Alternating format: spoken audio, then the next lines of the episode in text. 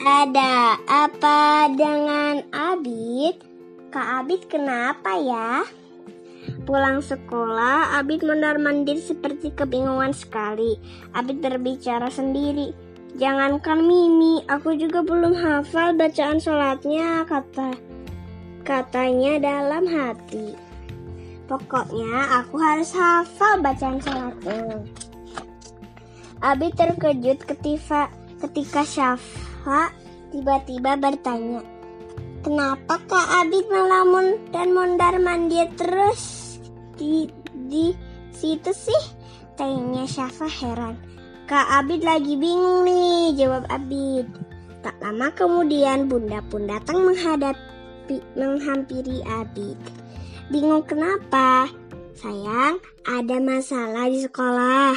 Cerita dong sama Bunda, tanya Bunda. Uh, se setan pasti takut sama anak yang rajin sholat. Jangan melamun, awas ada setan.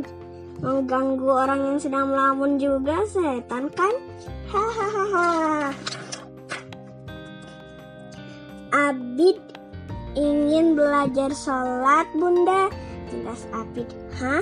Tumben Kak Abid ingin belajar sholat. Teriak Syafa heran. Syafa gak boleh bilang gitu. Kak Abid niat.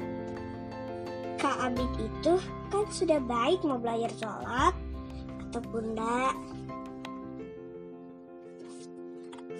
Jangan malas, yang malas temannya setan loh. Ayo semangat, setuju. Bunda Fatma, Abid, dan Syafa duduk di kursi sofa. Kalau Bunda boleh tahu kenapa Kak Abid tiba-tiba ingin belajar sholatnya Bunda. Dua minggu lagi akan ada praktik sholat di sekolah. Kata bu guru yang bacaan sholatnya benar lancar, nilai pelajaran agamanya bagus.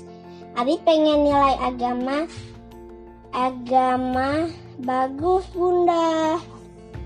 Yuk belajar sama bunda. Amalan yang pertama dihisap pada hari kiamat adalah sholat.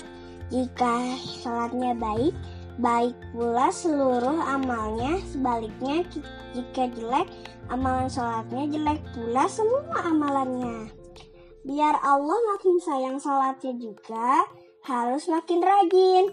Nilai agama abid harus bagus. Ya sudah, belajar sama bunda yuk. Ajak bunda. Beneran bunda? Tanya Abid penasaran.